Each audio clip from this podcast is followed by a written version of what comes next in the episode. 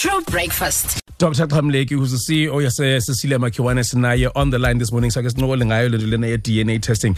Eh Dr. Dr. Namhlanje? Siyaphila brian kunjani kuwe Sikhona nathi man siyabulela ngexesha siphelo na this morning uh, Dr. ndiyabulela brian nabaphulaphuli bakho ndiyabulisa kunyaka omtsha hayi ndizina kuwe kanjalo nakuwe kanjalo. Eh Dr. Qhamlashe ukhona umahluko phakathi kwe DNA test ne paternity test? hayi awukho i-paternity test is a form of a dna test Okay. zikhona ezinye i-dna test ke zenziwe ebantwini xa becholwe njalo njalo Yeah. zenzelwe ezinye izizathu le nto kuthiwa i-paternity le is got to do nepa Okay. so it's a specific dna test to identify parents To identify parents. yeah otherwise i-dna test zininto ezinye sizenzayo Okay, okay. Eh siyabulela nga- ngalo ngosahlulela nje and making us understand kulo ndawo. Eh what are some of the reasons why abantu kusenziwa i-paternity test ingenziwa kwi-public hospitals nakwi nakwi clinics?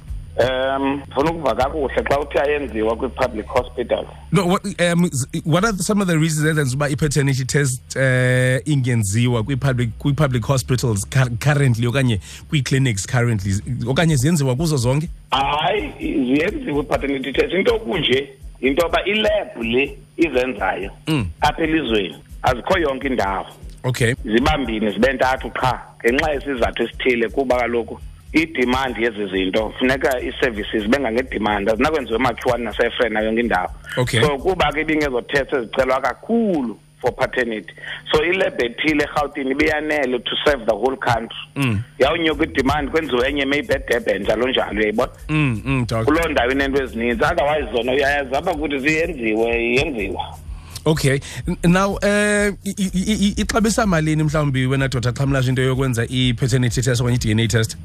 Ziyahluka kwindawo ngendawo kodwa ke iyasondela phaa iwakeni ide idlule ke to one point eight kwezinye imeko Um yeah wow. Um and this is even in a in a clinic and a public hospital as well. yeah because kaloku sonke sithumela kulaa kuyaqaphela Okay. uyawuthi noba uye kugqirha osesibhedlele public athumele kulaa noba private uthumela kwakulaa inye Mm mm. so ixabiso lona libheyisanga kakhulu ukuthi lixabi libheyise phaa kulaa ndawo sithesta kuyo Testa kuyo. Now and ke ayifolishi kwezi categories ze-free services kapha kuthi um it, would it be possible for into yobana yenziwe for free if i-demand yayo wena Dr. Qhamlashe ibinoba that great would it be is it something enokwazi ukwenzeka for free? you know kweli lizwe kule meko sikuyo kwangoku noko andiyiboni ngathi into yakwenziwa mahala xa sesiyijonga wena brian uba intoni i-paternity test Mm. you know ayiyo test ngoqobo loba test njengezeswekile Yes. it's usually uh, indlela ethile yokulungisa ukungavisisani kwindawo ethile uyayibona there's often a social conflict elsewhere so ayifani neswekile sifuna ukucela uneswekile okanye awunayo Yeah. into kukukrokrelana nokungathembani kwimeko ethile yokuhlala Mm. Mm. so ivela apho ke le nto so an- ayiyo test endiqonda uba in my lifetime iyazenziwe mahala Okay. kuba eyona nto ifuneka ilungisiwe ngunobangela lo wenza uba kucelwa i-paternity test yayiqaphe Yes, yes doctor. abantu ungathembani so asinaba lixanduva likadepartment of health ulungisa into ongathembani kwabantu Um Dr. Qhamlashe okugqibela do you think uba eh, uba ingenziwa accessible to the general public ingayinzuzo kwa- ngakumbi kwaba bantu bahluphekayo bangakwaziyo bona ukhupha eliwaka um low tester? Well kungayinzuzo urhulumente okhoyo unesazela ebantwini abampofu abalambayo nabaphuwa nakwezithini iimeko Yes, and isidima sabantu siyasikhusela. Andiyiboni ngathi ibekho imeko apho kukho a good business case apho kuqondisiswa nayo uba noko lo tata nalo mama you know noko.